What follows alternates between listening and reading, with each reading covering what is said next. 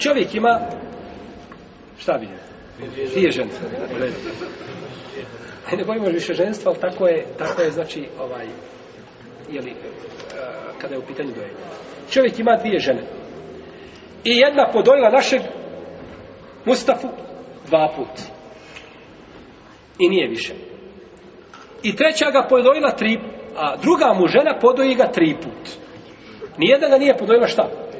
Pet Ovaj Mustafa ima babu po mlijeku, a nema majke po mlijeku. Jel Jer on ima babu. Jer on je bio razlogom da dođe mlijeko jednoj i drugoj. I od njegovog mlijeka se je desilo koliko dojenja? Pet zajedno. To što je od jedne došlo od druge nije bitno. Pa ima babu po mlijeku, a nema čega? Majke po mlijeku. Kao što može, braćo, imati majku po mlijeku, a nema babe. Kako?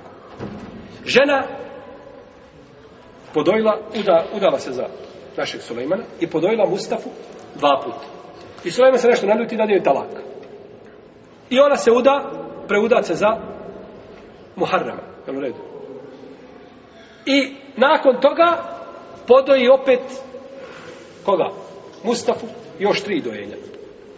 Pa ima majku po mlijeku. Mustafa ima majku. Podojila ga je ta žena ista pet puta. Ali nije, nema oca po mlijeku, jer ni od jednog od njih nije došlo pet dojenja zbog šta? Njegovog mlijeka. Jedino ako bi ga nakon toga podojila još pet puta, i e onda je propis je drugačiji.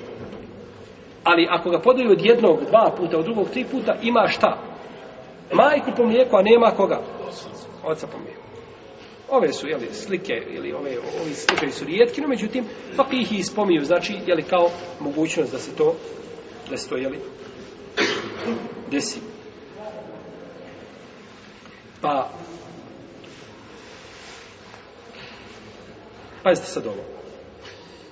Ajmo ovako, ajmo malo krenuti.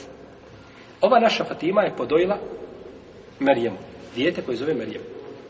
Prvi put od Sulejmana dva put. I drugi put od Muharrema tri put.